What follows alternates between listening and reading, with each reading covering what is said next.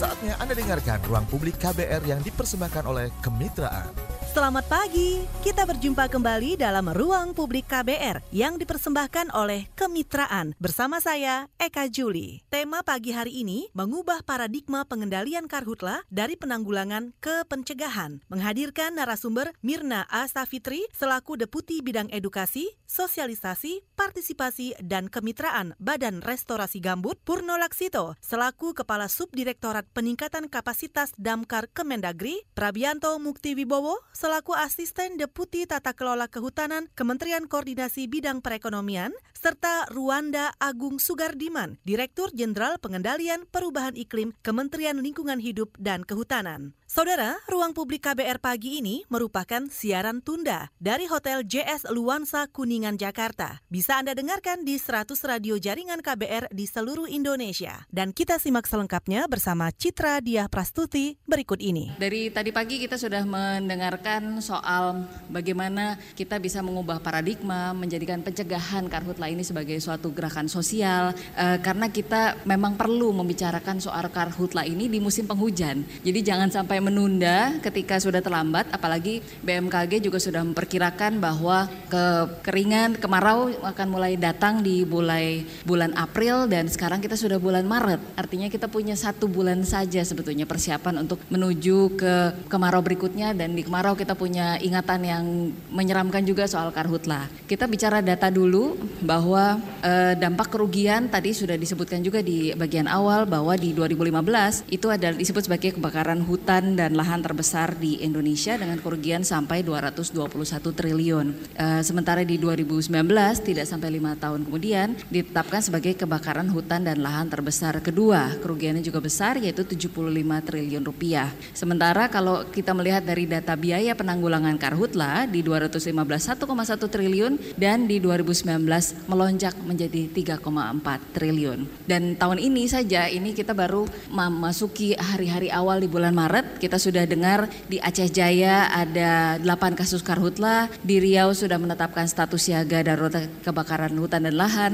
E, jadi kita akan membahas dari berbagai aspek yaitu dari soal bagaimana kita mengubah cara pikir supaya tidak hanya penanggulangan yang adalah di ujung ketika kebakaran sudah terjadi untuk mengubahnya menjadi ke pencegahan. Saya Citra Dia Prastuti, saya pemimpin redaksi KBR yang akan memandu talk show ini. Jadi kita akan mulai pertama dulu sebetulnya kita pengen melihat bagaimana sih refleksi atas kebakaran hutan dan lahan di 2015, 2019, lalu apa yang sudah terjadi, apa yang sudah dilakukan, apa salah sebetulnya dari kemarin-kemarin karena 2015 ada kebakaran hutan dan lahan yang besar, 2016, 2017 dianggap lebih mengecil, hotspotnya berkurang, lalu 2019 terjadi lagi mimpi buruk itu gitu. Uh, Pak Prabianto Mukti Wibowo adalah asisten deputi tata kelola kehutanan dari Kemenko Perekonomian dan kita tahu pada 2017 Kemenko Perekonomian KLH KPK serta Bappenas menyusun Grand Design Pencegahan Karhutla. Dan itu berlaku 2017 sampai 2019. Kita sudah 2020. Kira-kira apa evaluasi dan implementasi yang sudah dilakukan selama ini? Silakan Pak Prabianto. Baik, pertama-tama kalau kita menjawab apa yang tadi ditanyakan mengenai refleksi dari Karhutla 2015 sampai 2019 dan kaitannya dengan grand design yang sudah dibuat bersama-sama kementerian terkait. Pertama harus kita akui bahwa terjadi penurunan kejadian kebakaran hutan dan lahan dari 2015, 16, 17, 18 meskipun di 2019 memang terjadi kembali adanya kejadian kebakaran hutan dan lahan yang cukup signifikan. Ini yang kita akui. Nah tetapi sekali lagi tentunya belajar pengalaman dari 2015 kemarin, pemerintah bersama stakeholder lain telah bersama-sama melakukan upaya-upaya yang konkret dalam artian telah merubah paradigma dari tadinya pengendalian itu lebih difokuskan pada pemadaman kemudian dirubah paradigma tersebut menjadi lebih berfokus pada pencegahan. Dan pencegahan tentunya tidak dilakukan oleh pemerintah saja, tetapi juga dengan melibatkan stakeholders lain, termasuk juga para pemegang atau para pengguna lahan atau land users, ya dalam hal ini para pemegang izin, baik izin di kehutanan maupun izin di perkebunan, dan juga melibatkan pemerintah daerah, dan terutama kita mengedepankan peran dari masyarakat desa sekitar kawasan hutan dan perkebunan.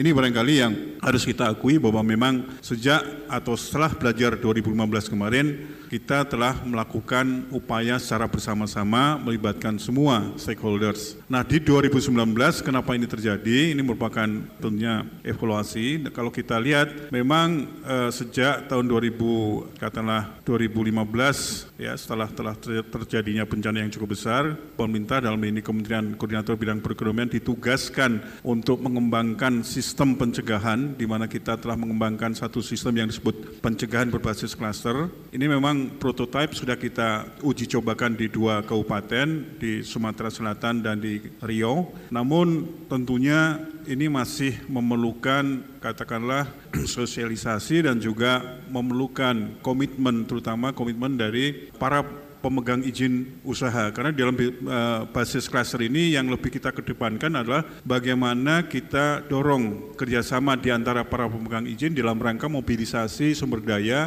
ya baik sumber daya peralatan, sumber daya manusianya, tenaga untuk pencegahan kebakaran maupun juga sistem informasi yang mereka miliki. Artinya jangan sampai satu perusahaan besar yang telah memiliki sistem yang cukup capable dan cukup canggih tapi tidak dibagi, tidak di share, tidak dimanfaatkan untuk perusahaan lain yang berada di dalam kluster tersebut. Nah, dengan demikian melalui sistem cluster ini kita harapkan ada common pools terhadap sumber daya, baik peralatan maupun informasi tadi, sehingga di dalam satu cluster memiliki tanggung jawab bersama untuk melakukan upaya-upaya pencegahan. Nah kembali lagi 2015, 2018 ini sudah kita uji cobakan tetapi di 2019 tetap terjadi kebakaran. Ini tentunya merupakan bahan evaluasi yang mestinya sistem cluster ini bisa untuk terus kita kembangkan. Artinya kita perkuat dan kaitannya dengan grand design tadi Bapak sekalian, grand design memang kita susun dalam bentuk list kegiatan termasuk juga alokasi anggaran yang dibutuhkan oleh kementerian. Tetapi nampaknya grand design ini masih belum menjadi uh, referensi utama bagi kementerian lembaga terkait di dalam pengajuan anggaran ke Bappenas maupun Kementerian Keuangan. Jadi kembali lagi masih ada beberapa kementerian lembaga yang belum mengalokasikan anggaran sesuai dengan apa yang sudah kita sepakati di dalam grand design tadi. Bahkan ada satu kementerian yang mestinya cukup banyak bisa mereka lakukan dalam kontribusinya mencegah terjadinya kebakaran. Namun kalau kita lihat struktur anggaran di kementerian lembaga tersebut nampaknya belum mencerminkan kebutuhan yang real, kebutuhan yang sesungguhnya. Nah untuk itulah mungkin kembali lagi grand design ini perlu untuk kita uh, sosialisasikan dan karena waktunya sudah habis di 2019 mestinya nanti Kemenko dan Bappenas bisa katakanlah merevitalisasi atau mereview kembali sehingga grand design untuk tiga tahun ke depan bisa kita susun ulang dan lebih uh, bisa diimplementasikan oleh kementerian lembaga. Saya kira itu. Terima kasih. Oke, untuk mempertajam dulu di 2018 juga ada enam standar dan prosedur pencegahan karhutlah yang dikeluarkan oleh Kemenko Perekonomian. Bagaimana evaluasi terhadap standar tersebut? Kalau tadi di grand design ada problem bahwa kementerian lembaga terkait tidak menjadikan itu sebagai referensi, bagaimana dengan standar standar dan prosedur ini? Apakah sudah diterapkan di lapangan? Ya, sebenarnya standar dan prosedur ini sudah diterapkan juga.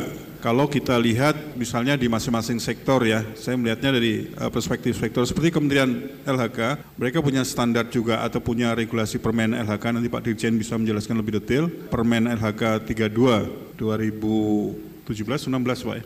17 ya. Di sana juga sudah ditetapkan uh, berbagai ketentuan standar yang harus dipenuhi oleh pemegang izin maupun pemerintah daerah dalam upaya pencegahan dan pengendalian kebakaran. Begitu juga ada Permentan nomor 5 2017 juga ya. Sana juga diatur mengenai standar minimum yang harus dilakukan dan dimiliki oleh para pemegang izin perkebunan ya. Uh, selain itu juga dari Kemenko sendiri sudah mengeluarkan beberapa SOP ya, Standard Operating Procedures ya dalam kaitannya tadi untuk mendukung kegiatan pencegahan berbasis kelas cluster, terutama adalah uh, dalam kaitannya misalnya pembukaan uh, lahan tanpa bakar. Ya, apa yang harus dilakukan oleh pemerintah daerah dan juga oleh para pemegang izin di dalam rangka mendukung kegiatan ekonomi lokal untuk pembukaan kebun atau pertanian, maka ini harus dilakukan tanpa melalui pembakaran dan SOP-nya sudah kita tentukan. Ada beberapa modul yang sudah kita siapkan dalam rangka pembinaan desa bebas api tadi. Uh, kembali lagi memang masih memerlukan sosialisasi dan juga memerlukan komitmen bersama di tingkat tapak terutama di tingkat lapangan. Kelembagaan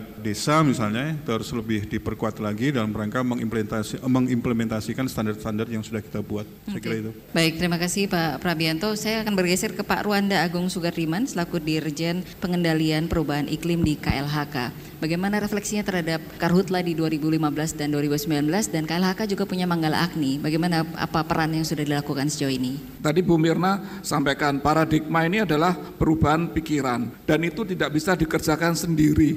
Kita harus merangkul semuanya. KLHK tidak bisa sendiri, harus dilakukan eh, bersama-sama. Pencegahan itu sebelum terjadi api. Bapak Presiden perintahkan itu pencegahan itu sebelum terjadi api. Artinya apa? Kita jangankan terjadi hotspot satu titik dan uh, dua titik. Sebelum terjadi api itu harus kita lakukan sesuatu sehingga uh, rakyat kita yang menyiapkan lahan itu tidak uh, sempat membuka lahan dengan membakar apa seresahnya itu. Kalau tadi disampaikan kita membicarakan uh, kebakaran di musim hujan, jangan salah loh ya. Sekarang di Rio sudah terjadi kebakaran hari ini. Ini tim kami Manggala Agni sudah turun empat hari ini di lapangan. Bahkan tadi pagi saya lihat Sumatera Selatan juga sudah mulai banyak lagi hotspot. Dan ini sudah berlangsung tiga hari ini. Artinya apa? Kemungkinan sudah menjadi fire spot di sana. Artinya kita bicara di sini ternyata di lapangan sudah terjadi kebakaran. Nah ini apa? Kalau saya lihat dari tim tim uh, Manggala Agni kami, saya dikirimkan direktur saya di Kalimantan, Kasubdi di Rio, kebanyakan atau hampir seluruhnya yang terjadi itu karena penyiapan lahan untuk pertanian. Jadi nggak mungkin sekarang kalau uh, menurut analisa kami ya perusahaan besar, ya ini saya bukan melindungi perusahaan ya atau korporasi, nggak mungkin dengan sengaja mereka membuka lahan dengan membakar, karena sanksinya akan berat sekali. Artinya mereka akan sangat berhati-hati sekali untuk atau bahkan tidak akan pernah lagi mereka membuka lahan dengan membakar itu. Nah, bagaimana refleksi kami 2019 memang waktu itu El Nino cukup tinggi, Nah 2015 terjadi lagi, sebetulnya El Nino-nya lemah, tapi karena hari tanpa hujannya yang cukup panjang, sekitar 120 sampai 160 hari tanpa hujan. Kemudian ada uh, udara panas dari uh, Australia. Kemudian ada dua tahun sebelumnya, 2007, uh, 2018, 2017, kebakaran tidak begitu tinggi. Artinya apa? Biomasa di lapangan menumpuk sehingga begitu suasana tinggi hari tanpa hujan panjang ada combustion. Combustionnya apa? Yang buka lahan tadi itu kebakarannya meningkat lagi dengan sangat tinggi. Itu yang yang kami pelajari dari uh, beberapa uh, tahun ini, itu Mbak. Ya. Kalau dari KLHK kan juga punya sistem peringatan dini. Ya. Bagaimana itu dilakukan dan dijalankan selama ini? Ya, Pak Asbi tadi sampaikan, uh, saya sedikit koreksi. Kita harus mengambil data dari sumbernya, Pak. Kalau kebakaran areal indikasi terbakar itu dari KLHK, bukan dari BNPB. Tapi kalau indikasi hotspot dan sebagainya, kami pakai dari data dari punya punya kami sendiri dan dari Lapan. Mungkin ya, yang hadir di sini kalau perlu install Play Store, lihat cari di sana Lapan Fire Hotspot, bisa diinstal sekarang, bisa dilihat sekarang kondisinya Indonesia seperti apa hotspotnya itu. Nah kami memakai itu. Begitu ada hotspot di sana, kami akan kirimkan koordinat itu ke Daop. Kami mempunyai daerah operasi, ada 34 daerah operasi kami. Di Sumatera itu ada 17, di Riau itu ada 4 daerah operasi. Nah ini koordinasi kami akan selalu aktif ya, begitu ada hotspot akan kirim kami kirimkan ke sana, kemudian tim lapangan Manggala Agni akan langsung menuju ke hotspot itu. Koordinasi dan sebelum terjadi hotspot, ini yang kami lakukan adalah patroli rutin dan patroli terpadu. Itu yang kami lakukan. Ini adalah dalam rangka pencegahan itu. Itu sebelum terjadi api. Dan kami melibatkan Pemda, kemudian Polri, TNI, kemudian pemegang izin uh, di sekitar situ serta masyarakat setempat. Kami membentuk juga masyarakat peduli api juga di hmm. desa-desa itu. Saudara, ruang publik KBR yang dipersembahkan oleh kemitraan akan kami lanjutkan setelah jeda, masih dengan tema mengubah paradigma pengendalian karhutla dari penanggulangan ke pencegahan.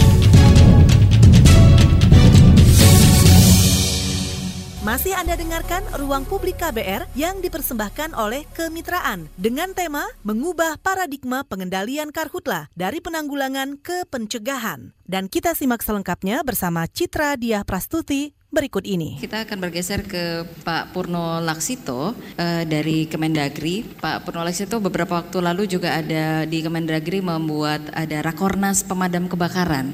Mungkin bisa cerita sedikit soal itu apa yang dibicarakan lalu kemudian apa hasil dari itu untuk persiapan di uh, refleksi sebagai uh, dari Karhutla 2015-2019. Terima kasih. Kami dari Kementerian Dalam Negeri dalam hal ini dari Direktorat Jenderal Bina Administrasi Kewilayahan terkhusus lagi dari Direktorat Manajemen Penanggulangan Bencana dan Kebakaran. Terkait dengan apa hasil pengamatan kami terhadap akibat kebakaran yang terjadi tahun 2015 dan 2019 itu begitu besar kerugiannya. Walaupun demikian dia uh, dari ke tahun menunjukkan penurunan, tetapi kalau kami lihat dari angka tayangan tadi masih cukup besar ya, sekian 71 triliun ya kalau salah tadi ya, kerugian. Nah, untuk hal itu maka Kementerian Dalam Negeri sangat sadar sekali dan merespon terhadap hal ini adalah salah satu ada dua hal yang menyangkut penanganan pemadam kebakaran menurut kami adalah satu menyangkut sumber daya manusia. Nah, sumber daya manusia ini ada dua hal. Yang pertama adalah sumber daya dari aparatur Pemdanya. Nah, ini karena memang e, untuk teman-teman di Pemda sering dikritik terutama dalam penanggulangan kebakaran.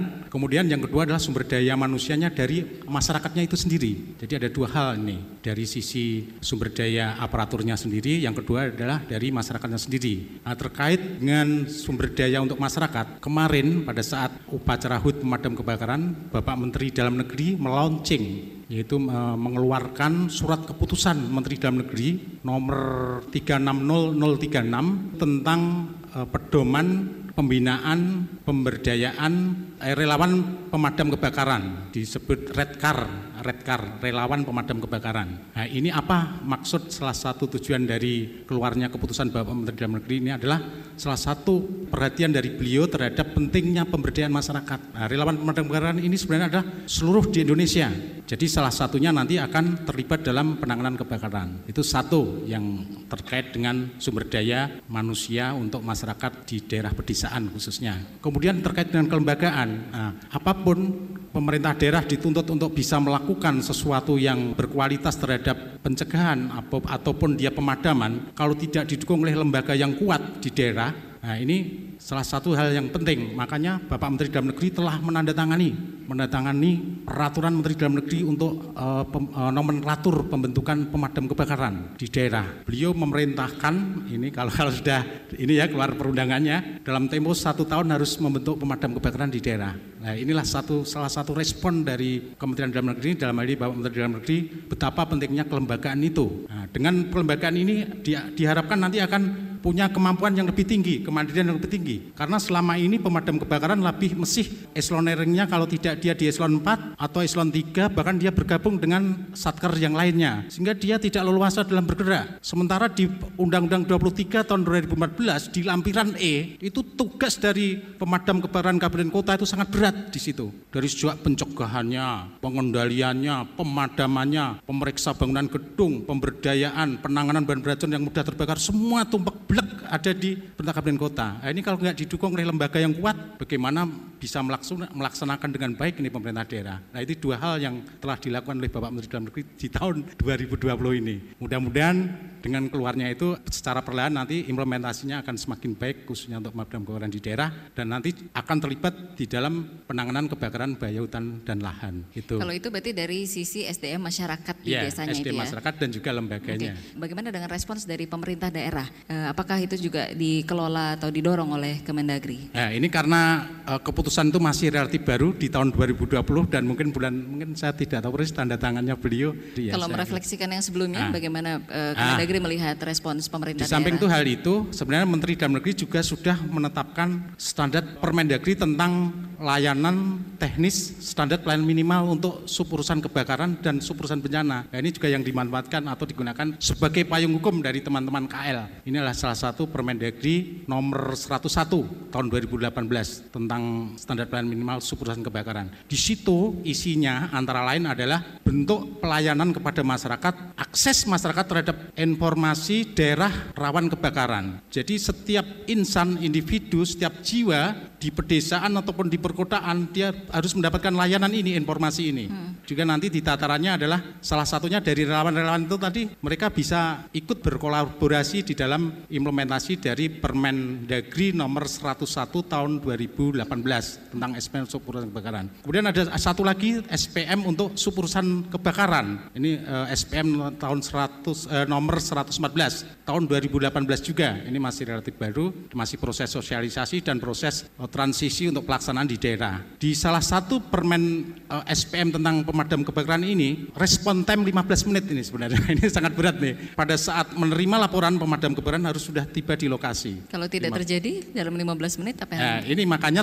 eh, ini satu hal yang menjadi tantangan kita bersama nih. Oleh sebab itu kami mengharapkan ini betapapun lembaganya bagus, manusianya oke, dilatih, didiklatkan. Tapi kalau nggak dilengkapi dengan peralatan yang bagus, juga apa gunanya? Nah inilah maka kami mengharapkan dari pihak sektor atau mana ini supaya ada dukungan mungkin dalam bentuk sarplasnya ini. Apakah Artinya peralatan dana? bukan di areanya Kemendagri gitu? Bilangnya, untuk daerah ini, untuk, untuk daerah. daerah ini untuk bukan okay. dari Kemendagri. Bisa pakai dana desa gitu Pak misalnya? Ah salah satunya misalnya dana desa itu juga ada pengelolaan keuangan desa itu ada Permendagrinya eh, tahun 2018 kalau nggak salah. Itu sebenarnya di desa juga bisa memanfaatkan dana desa itu. Hanya tadi disebutkan banyak takut-takut ya kalau nggak salah tadi ya dari partnership ini teman dari hmm. partnership banyak dari para desa yang masih takut menggunakan dana desa tersebut. Nah ini mungkin menurut hemat saya adalah memang harus diperkuat dari pemdanya itu sendiri, di, khususnya untuk pendamping-pendamping desa ini. Nah ini nih hmm. pendamping-pendamping desa harus betul-betul yang berkualitas, jangan hanya bertugas tidak menyukai dengan pekerjaan itu dan dia harus tinggal di desa,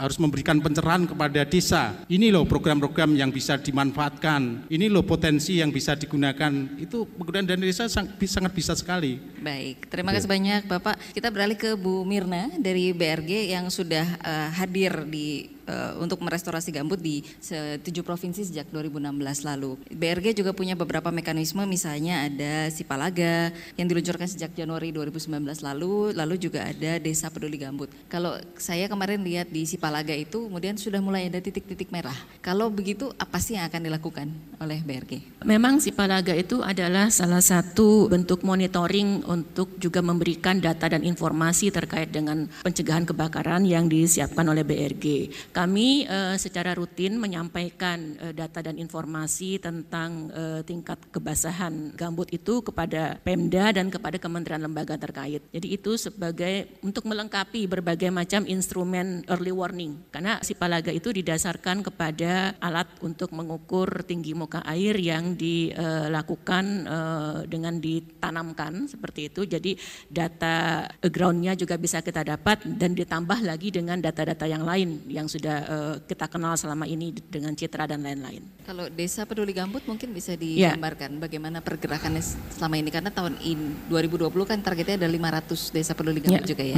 Sampai dengan 2019 itu ada 394 desa dan kelurahan yang didampingi di dalam program Desa Peduli Gambut, baik itu dilakukan langsung oleh BRG ataupun itu dilakukan oleh para mitra kami. Nah, eh, saya ingin sebenarnya menanggapi tadi yang disampaikan oleh eh, uh, Bapak dari Kemendagri terkait dengan penggunaan dana desa. Jadi di dalam program Desa Peduli Gambut kami mendampingi desa itu untuk menyusun RPJM desa dan juga RKP desa yang di dalamnya memasukkan aspek perlindungan gambut termasuk juga pencegahan kebakaran. Di tahun 2019 saja itu ada 140-an desa yang sudah mengalokasikan dana desanya untuk kepentingan ini. Jumlah totalnya itu sekitar 16 miliar. Jadi eh, satu desa itu kira-kira 100 jutaan lah seperti itu. Uh, memang menarik. Ini juga ingin saya buka diskusinya di sini. Meskipun memang ada Permendes tentang alokasi dana desa yang di dalamnya memperbolehkan digunakannya dana desa itu untuk kepentingan restorasi gambut dan lain-lain. Kemudian juga ada Permendagri tentang pengelolaan keuangan desa seperti itu. Tetapi di dalam prakteknya memang betul tadi Bapak e, memang satu persoalan yang harus kita pikirkan bersama adalah persoalan di tingkat Pemda. Jadi kenapa banyak desa itu tidak berani mengalokasikan karena mereka merasa belum dapat arahan dari pemerintah kabupatennya. Ada yang sudah mencoba, tetapi kemudian ketika sampai di kabupaten itu katanya dicoret. Jadi ini kita di tingkat nasional sudah menyiapkan instrumen kebijakannya, tapi ini memang kan e, harus pelan-pelan seperti itu. Jadi saya pikir akan sangat penting atau e, juga menarik jika Kemendagri Pak itu bisa mungkin Pak Menteri bisa memberikan edarankah kepada para bupati agar di daerah-daerah yang rawan karhutla itu bupati memberikan dorongan kepada desa agar mereka juga mengalokasikan dana desanya. Karena secara instrumen kebijakan itu ada dan itu bisa dibenarkan. Tapi ini soal psikologi desa Pak yang juga harus dimaklumi seperti itu. Nah, di dalam eh, program DPG kami banyak bekerja di situ untuk memastikan ada pengintegrasian dari kegiatan-kegiatan kegiatan pencegahan karhutla dan kegiatan-kegiatan perlindungan gambut secara umum di dalam RKP e, desa. Apakah ada ada champion gitu dari desa peduli gambut yang kemudian mereka punya mengimplementasikan dana desa, punya program yang bagus dan akhirnya berhasil? Mungkin bisa direplikasi juga untuk e, banyak. Desa lain. Saya kira championnya banyak uh, di hampir di setiap provinsi itu uh, ada champion-championnya. Bahkan juga menarik ada desa yang betul-betul karena pemerintahan desanya menyadari bahwa kebakaran adalah bagian dari kehidupan mereka dulu. Jadi bahkan berani mengalokasikan uh, cukup banyak untuk uh, pencegahan. Kemudian yang lain yang juga ingin saya sampaikan, kalau kita bicara di tingkat tapak, yang sering kali berhadapan langsung itu kan kita sebut MPA ya, masyarakat peduli api, yang memang mereka ada di desa. Tapi kalau kita bertemu dengan teman-teman MPA, keluhan yang mereka sampaikan itu kan soal persoalan dana operasional. Yang kita juga lagi, mungkin kita semua sama-sama pisuk ini gimana ya cara kita bisa mendukung itu. Bukan berarti bahwa kita tidak menganggap itu penting, tetapi di dalam constraint administrasi anggaran yang kita miliki, kadang-kadang tidak mudah untuk bisa mendukung itu. Nah salah satu yang cukup fleksibel kan sebenarnya ada di dana desa, seperti itu. Di beberapa desa kami itu eh, pemerintahan desanya berani mengalokasikan dana desa untuk operasional MPA. Tapi di tempat-tempat lain itu belum berani. Kembali persoalannya karena masih belum dapat arahan dari pemerintah kabupaten. Untuk desa yang sudah berani, apakah artinya di kabupaten tersebut sudah mendapat arahan atau bagaimana? Apa yang membedakan ya, sih berani nggak berani ini? Pada umumnya memang bupatinya responsif ya, seperti di Kabupaten Pulang Pisau seperti itu ya, bupatinya memang e, sangat responsif sehingga memberikan dukungan penuh kepada desa untuk melakukan itu. Saudara, ruang publik KBR yang dipersembahkan oleh kemitraan akan kami lanjutkan setelah jeda, masih dengan tema mengubah paradigma pengendalian karhutla dari penanggulangan ke pencegahan.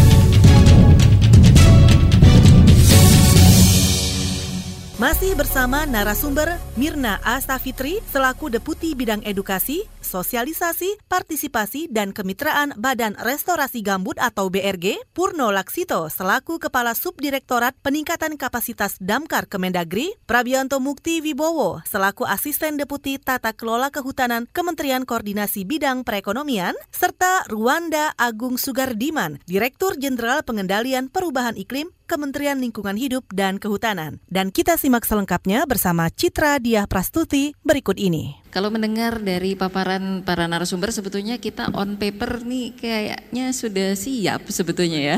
On the track semua punya aturannya, beberapa sudah punya early warning system, uh, udah punya aturan yang uh, kayak tadi Pak Prabianto di awal bilang soal grand design itu ada tapi nggak dipakai sebagai referensi oleh kementerian lain. Lalu Pak Ruanda dari KLHK bilang bahwa harusnya Kementerian Pertanian juga diundang dong gitu. Kalau di level nasional gitu sebenarnya koordinasinya bentuk bentuknya seperti apa? Apakah ada pertemuan rutin atau ada oke okay, saya punya aturan 1 2 3 4 5 6 dan sebagainya lalu di cross sehingga tidak terjadi tumpang tindih atau bahkan saling bertentangan mungkin atau bagaimana bentuknya? Mungkin Pak Prabianto bisa mulai. Uh, baik, koordinasi di tingkat nasional saya kira sudah cukup berjalan dengan baik ya. Artinya kalau kita lihat uh, mekanisme yang sekarang ini telah terjadi maksud saya, itu koordinasi tingkat nasional selalu diawali dengan koordinasi yang dipimpin oleh Menko Polhukam melibatkan kementerian terkait dan para uh, ya dari dari Menko Polhukam menyiapkan untuk nanti akhirnya Rakornas di tingkat presiden gitu ya. Tapi sebelum sebelum ke presiden, maksud saya adalah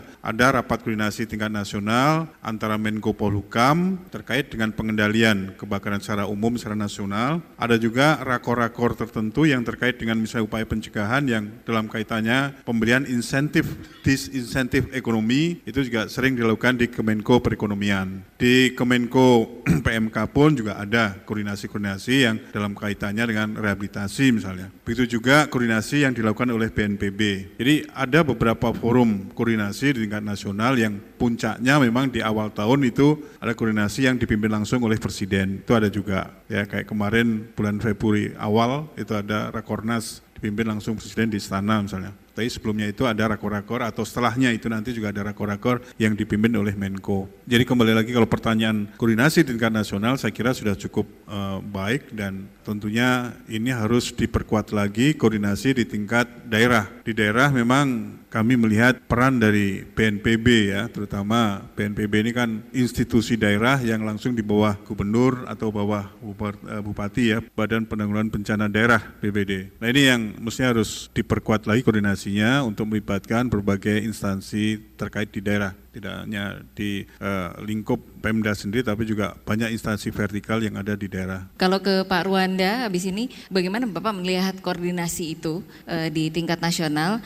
dan uh, karena kita perlu perbaikan kalau perlu ada perbaikan koordinasi maka itu perlu segera karena kita juga per, punya janji di tingkat dunia kan untuk mengurangi uh, seperti kita punya komitmen kontribusi nasional itu yang janji kita kepada dunia untuk sebagai uh, bagian uh, dari perjanjian Paris. Kira-kira bagaimana apa yang harus diperbaiki diperbaiki sebetulnya Pak? Jadi sebelum saya menjawab ke soal NDC, saya merefleksikan uh, diri saya sendiri, KLHK, kemudian uh, dari beberapa kegiatan yang sudah ada di tahun-tahun sebelumnya ini. Jadi saya pernah diundang oleh uh, Ombudsman, Mbak. Salah satu topik atau topik yang pada saat itu saya diundang adalah pelayanan pemerintah terhadap pemadam pelayanan keba, eh, pemadaman kebakaran. Jadi yang diundang waktu itu kami, kemudian Kementerian Dalam Negeri dan uh, Damkar. Jadi yang dimaksud pelayanan masyarakat untuk pemadaman kebakaran yang oleh ombudsman ini hanya pelayanan kebakaran di kota atau di desa, bukan di hutan atau di lahan. Sehingga pasti uh, dananya yang diusulkan oleh MPA akan dicoret karena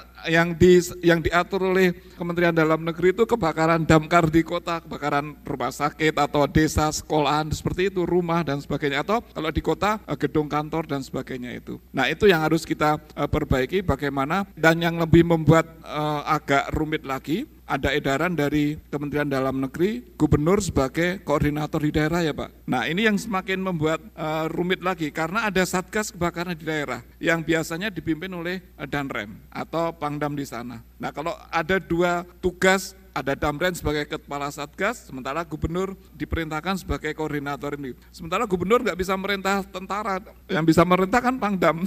Nah ini yang agak, kalau sudah terjadi kebakaran harus ada satu komando untuk melakukan pemadaman ini. Nah biasanya kami, tim kami Manggal Agni ini akan patuh kepada koordinasi yang dilakukan oleh Satgas Kebakaran di daerah ini, di provinsi biasanya. Nah di sana kami akan melakukan koordinasi, akan siap di titik-titik mana atau akan mengikuti penyemprotan uh, pemadaman lewat udara ini. Itu yang uh, kami lakukan. Sebetulnya kami sudah berkoordinasi dengan Kementerian Desa dan Kementerian Dalam Negeri bagaimana desa-desa itu bisa akses dana desa untuk pencegahan kebakaran. Kami sudah melakukan itu dan kami dampingi beberapa desa untuk bisa akses itu dan itu bisa bisa dilakukan itu kalau kita dengan melakukan e, membuat proposal yang baik bagaimana desa bisa akses dana desa itu bisa dilakukan itu dengan dengan sangat mudah dilakukan. Sebagai perbandingan ini, dana kami ini bukan curhat ya. E, Direktorat Jenderal Pengendalian Perubahan Iklim itu kami setiap tahun hanya dana kami hanya 300 miliar. 200 miliar untuk untuk ke, kebakaran hutan. Jadi direktorat kami 200 miliar. Penanggulangan yang dilakukan oleh BNPB itu tahun 2018 itu 1 triliun, Mbak. Dan kami sudah melakukan perubahan paradigma ini sejak tahun 2018 2019 ini intervensi anggaran kami sudah kami rubah. Selama ini 30 per, uh, 70 persen untuk pemadaman, 30 persen untuk pencegahan. Nah, sekarang kami rubah itu 30 persennya untuk pemadaman, 70 persennya untuk pencegahan ini. Tapi dengan dana 200 miliar apa apa jangkauannya tidak sebagai uh, mana yang kami harapkan. 70 persen dari 200 miliar itu. Pencegahan itu artinya kegiatannya apa saja misalnya Pak? Patroli, sosialisasi, kemudian membentuk masyarakat peduli api, Kemudian kami melakukan uh, sosialisasinya tidak hanya di desa, tapi di sekolah-sekolah di sekitar di situ. Kami mempunyai 4.140 desa rawan kebakaran. Tahun 2020 ini akan menjadi target kami untuk sosialisasi dan uh, patroli itu sekitar 1.200. Ini karena kebetas, keterbatasan anggaran. Kalau kami bisa mengcover 4.000 desa itu, saya yakin pencegahan bisa dilakukan dengan baik di, di lapangan. Artinya apa? Perubahan paradigma itu tidak hanya saja main atau pemikiran, tapi juga harus real dukungan anggaran. Nah ini yang sudah kami lakukan sejak tahun 2017-18 kemarin kami sudah melakukan itu. Jadi banyak anggaran kami untuk pencegahannya, untuk patroli, untuk uh, sosialisasi, kemudian membuat uh, sumur-sumur bor dan sebagainya itu kami bantu juga untuk eh, desa-desa yang masyarakat peduli apinya kami uh, inisiasi, kami bentuk itu. Pertanyaannya, Indonesia punya komitmen internasional untuk menjaga penurunan emisinya 29 persen. Dari hitungan kami, kalau kita bisa menjaga tidak terjadi kebakaran hutan di lahan gambut, kami sangat yakin kita bisa mencapai NDC kita dengan sangat uh, mudah. Tetapi kalau kebakaran gambut itu masih terjadi, apa, apalagi angkanya sangat uh, fantastis ya, di atas satu juta, ini kita akan berat mencapai NDC itu. Oleh karena itu, upaya kami KLHK ini adalah bagaimana pencegahan jangan sampai terjadi hotspot. Jadi sebelum api itu terjadi, arahan Bapak Presiden itu deteksi dini, kemudian patroli. Dan ini yang kami lakukan di lapangan. Oleh karena itu, tadi anggaran kami kami alokasikan untuk patroli rutin dan patroli terpadu ini eh, kami giatkan. Tadi Pak Purno Laksito juga menyebut soal uh, pentingnya penguatan bagi pendamping desa supaya tidak perlu terjadi nih yang tadi Bu Mirna bilang soal takut menggunakan dana desa, tidak berani dan sebagainya. Uh, siapa yang harus melakukan penguatan pendamping ini sebetulnya? Baik, terima kasih. Ini di Kemendagri kan ada beberapa direktorat jenderal. Nah, kebetulan yang menangani masalah desa ini ada Direktorat Jenderal Pemerintahan Desa Nah itu salah satu yang menginisiasi keluarnya Permendagri tentang pengelolaan keuangan de, apa, desa dan lain sebagainya. Jadi mungkin untuk yang berikutnya melibatkan tidak hanya Dirjen Bina Administrasi Kuliahan. Nah, hanya satu hal yang perlu diingat bahwa untuk terkait dengan pemadam kebakaran ini adalah kompetensi dari seorang aparatur. Ini sangat penting sekali. Di samping dia punya kompetensi, yang kedua dia harus didukung oleh alat pelindung diri. Nah, ini ini yang sering dilupakan. Jadi seorang pemadam kebakaran katakan ada ini yang terjadi uh, kedaruratan kebakaran hutan misalkan. Damkar terlibat ke dalamnya, dia harus di, dengan alat pelindung dirinya harus benar-benar cukup. Ada alat pelindung diri pakaian yang tahan api, ada yang tahan panas, itu berbeda lagi dan ini harganya sangat mahal sekali memang. Nah, ini ini konsekuensi dari apa tugas-tugas pemadam kebakaran adalah di samping dia punya skill, punya kompetensi, dia harus dilengkapi dengan alat pelindung diri dan peralatan yang cukup. Jangan sampai nanti melakukan apa membantu pemadaman tapi dirinya sendiri nanti malah jadi korban. Nah, terkait itu ini sebenarnya seperti yang Bapak Dirjen sampaikan tadi menyangkut kayak patroli dan lain sebagainya ini oh, kami di Kemendagri, Kementerian Dalam Negeri telah berkolaborasi dengan Kemenpan RB ini untuk membentuk uh, seorang pemadam kebakaran yang profesional dalam artian punya kompetensi. Ini sudah keluar Permenpan RB nomor 16 tahun 2019 itu ditandatangani Bapak Menpan itu tanggal 5 September. Itu jabatan fungsional pemadam kebakaran. Itu uh, level SMA untuk petugas-petugas pemadam kebakaran yang di lapangan lapangan. Jangan sampai nanti pada saat terjadi kedaratan kebakaran itu kan saya lihat di TV itu memadamkan api dengan ranting-ranting gitu. Ini kan berarti artinya itu contoh, walaupun itu mungkin bisa ya bermanfaat, tapi kan nggak dilengkapi dengan peralatan yang cukup, yang sesuai dengan kebutuhan. Nah di situlah nanti Jabung, Jabatan Fungsional Pemadam Kebakaran sudah ada payung hukumnya itu untuk yang level petugas pemadam kebakaran. Sedangkan yang untuk ahlinya, analis kebakaran, Permenpan nomor 17 tahun 2019 juga tanggal 5 September untuk kalian. Jadi dua, ini yang pertama adalah untuk pada saat lebih ke pemadaman dan penyelamatan, tapi yang untuk analis kebakaran ini lebih ke pencegahannya. Nah, untuk pencegahan karena dia lebih lebih banyak berpikirnya daripada prakteknya. Jadi kebalikannya dengan yang pemadam kebakaran. Nah, saat ini sedang kita kita upayakan untuk implementasinya. Mudah-mudahan tahun ini bisa mulai implementasi di seluruh kabupaten kota dan provinsi di Indonesia. Mudah-mudahan ini akan mendukung dalam rangka pelaksanaan SPM tadi, standar plan minimal. Saudara, ruang publik KBR yang dipersembahkan oleh kemitraan akan kami lanjutkan setelah jeda. Masih dengan tema mengubah paradigma pengendalian karhutla dari penanggulangan ke pencegahan.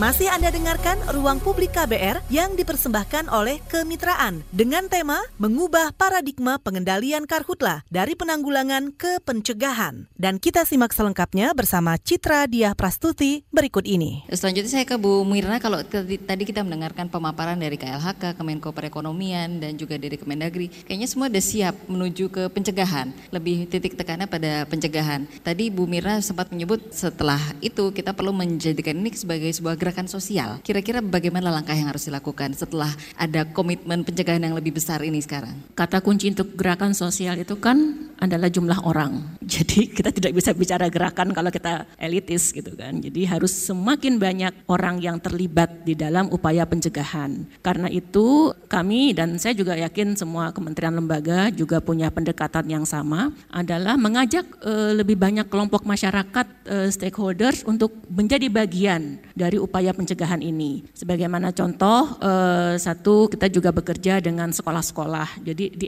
SD-SD di desa-desa itu guru-guru eh, itu menjadi bagian dari gerakan ini. Kemudian juga kami juga dengan organisasi ormas keagamaan seperti MUI, kemudian Persekutuan Gereja-Gereja Indonesia itu bekerja bersama untuk eh, memberikan pembekalan kepada ustadz-ustadz yang ada di kampung-kampung, kepada pendeta-pendeta untuk terus menyampaikan pesan pentingnya untuk mencegah kebakaran ini. Kemudian kami juga bekerja dengan ribuan petani yang menjadi kader sekolah lapang petani gambut. Jadi sekolah lapang kami itu gurunya petani, muridnya pun juga petani. Jadi antar petani mereka saling e, berbagi gitu ya. Karena tadi bicara champion, sebenarnya champion ini di beberapa tempat ada. Cuman mereka kan belum terhubung nih. Jadi tugas kita kan menghubungkan sebenarnya. Kita tahu di sini ada, di sana ada, bagaimana mereka bisa saling berkomunikasi, saling berbagi pengetahuan Um, dari kemarin itu kami mengumpulkan mereka di uh, Serpong, di, di Pusdiklat Serpong untuk uh, menjadi betul-betul menjadi champion yang menjadi messenger lah dari upaya untuk mencegah kebakaran melalui PLTB tadi, pengelolaan lahan tanpa bakar. Kita juga uh, anak-anak muda, Karang Taruna, kemudian juga organisasi-organisasi uh, kemahasiswaan yang ada di kota-kota. Ini kan daripada demonya yang agak ke mana-mana, mending bicara, mending ikut menjadi bagian dari dari dari gerakan ini. Tadi Bapak ngomong relawan, kami punya fasilitator desa Pak di Rokan Hilir itu fasilitator desa kami menjadi bagian dari apa volunteer untuk Karhutla. Jadi ada banyak hal yang harus kita hubungkan tapi semua harus dengan visi yang sama bahwa mencegah itu tentu lebih baik dari memadamkan. Jadi seperti itu, Mbak. Kalau misalnya melihat uh, gerakan belajar dari misalnya kita tahu sekarang semua orang mulai pakai sedotan stainless misalnya dan uh, sebagai upaya untuk tidak menghasilkan sampah plastik. Apa yang bisa kita pelajari dari pergerakan itu ketika orang kemudian beramai-ramai beralih dari uh, sedotan plastik ke sedotan stainless dan kemudian bisa dipakai atau dicuri strateginya untuk menjadikan pencegahan ini sebagai sebuah gerakan sosial kira-kira apa ya? Sangat bisa. Kenapa sekarang kita secara sukarela sudah mulai sudah diet penggunaan plastik karena kita sadar kan bahwa plastik itu mengancam hajat hidup kita ke depan. Nah, jadi wacana atau narasi yang perlu dibangun bersama adalah bahwa karhutla itu akan mengancam kehidupan kita dan anak cucu kita seperti itu. Jadi orang akan merasa malu kalau kemudian masih misalnya cuek gitu ya. Iya kan? Uh, uh, ya ini masih Pak Rwanda langsung mengangkat tumblernya bagian dari kampanye diet plastik. Ya jadi seperti itu. Jadi um, apa namanya ini kepentingan kita bersama. Jadi kita juga memang harus tidak jemu-jemu untuk terus mengingatkan bahwa karhutlah itu bukan persoalan mereka yang tinggal di sekitar hutan, tapi ini soal orang Jakarta, orang Surabaya seperti itu kan. Nah itu yang penting juga disampaikan. Nah kemudian tadi karena ngomong sedotan Mbak, sedotan plastik berpindah ke sedotan stainless.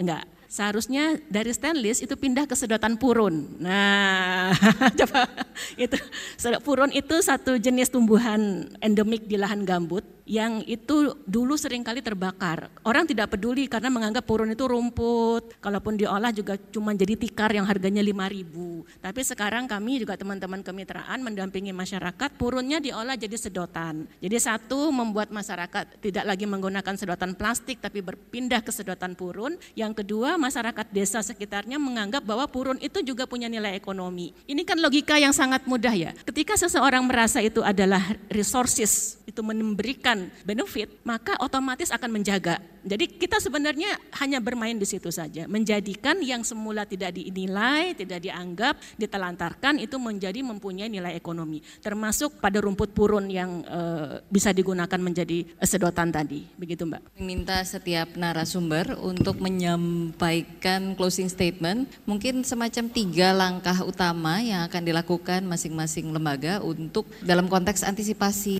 e, kemarau di 2020 ini. Karena April BMKG sudah memperkirakan akan mulai kemarau bahkan di beberapa daerah sudah terjadi kebakaran hutan dan lahan. Maka dari masing-masing uh, narasumber saya akan minta uh, closing statement berupa tiga langkah antisipasi yang perlu dilakukan dan harus dilakukan segera begitu kita selesai berdiskusi ini. Silakan Bu Mirna. Kalau bicara antisipasi dari BRG itu pertama kami melakukan uh, inspeksi atau pengecekan kepada infrastruktur pembasahan yang sudah dibangun supaya kita bisa tahu kualitas dan kondisinya seperti apa. Kalau memang harus diperbaiki itu diperbaiki. Kemudian tentu saja mempercepat pembangunan infrastruktur untuk tahun ini karena masih banyak lokasi-lokasi yang memerlukan dan itu masih belum dibangun. Yang kedua, kami akan memperluas pengelolaan lahan tanpa bakar kepada desa-desa yang kami dampingi ataupun desa-desa yang tidak kami dampingi dengan terus bekerja sama dengan berbagai uh, pihak. Sekolah lapang petani gambut itu akan terus kami perluas karena tadi kembali kami melihat ini sebagai sebuah gerakan sosial dan sekolah lapang adalah basis untuk gerakan sosial pencegahan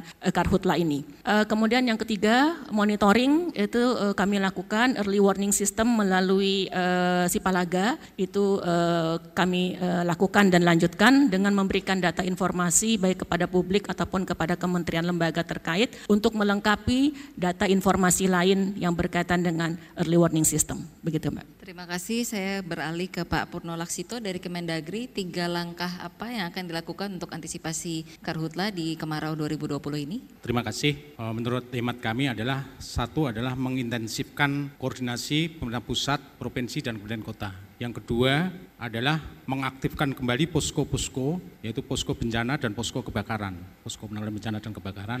Yang ketiga adalah meningkatkan lagi bagi pemerintah daerah di bawah pembinaan pemerintah pusat untuk melakukan atau meningkatkan sosialisasi kepada masyarakat di desa-desa, khususnya adalah daerah yang rawan kebakaran. Mungkin itu saja. Oke, baik terima kasih. Saya beralih ke Pak Ruanda, Dirjen Pengendalian Perubahan Iklim KLHK. Tiga langkah untuk antisipasi Karhutla 2020. Ya, terima kasih seperti yang diarahkan oleh Bapak Presiden pada rakor pengendalian kebakaran hutan dan lahan yang akan kami lakukan yang pertama pencegahan. Itu dilakukan dengan patroli rutin dan patroli terpadu ini segera sebelum terjadi api. Artinya ini kami lakukan sedini mungkin ini kami lakukan. Yang kedua adalah deteksi dini. Artinya kita menggunakan sistem informasi yang ada, kita deteksi lokasi-lokasi mana yang ada hotspotnya. Kemudian yang ketiga, kalau sudah terjadi hotspot, segera dipadamkan. Jadi kami segera kami lakukan eh, deploy dari Manggala Agni ke lokasi-lokasi yang terdeteksi adanya hotspot. Ya. Hmm. Baik, terakhir Pak Prabianto Mukti Wibowo, Asisten Deputi Tata Kelola Kehutanan Kemenko Perekonomian. Mudah-mudahan salah satunya Grand yeah. Design yang baru nih Pak, yang menjadi referensi bagi kementerian lain.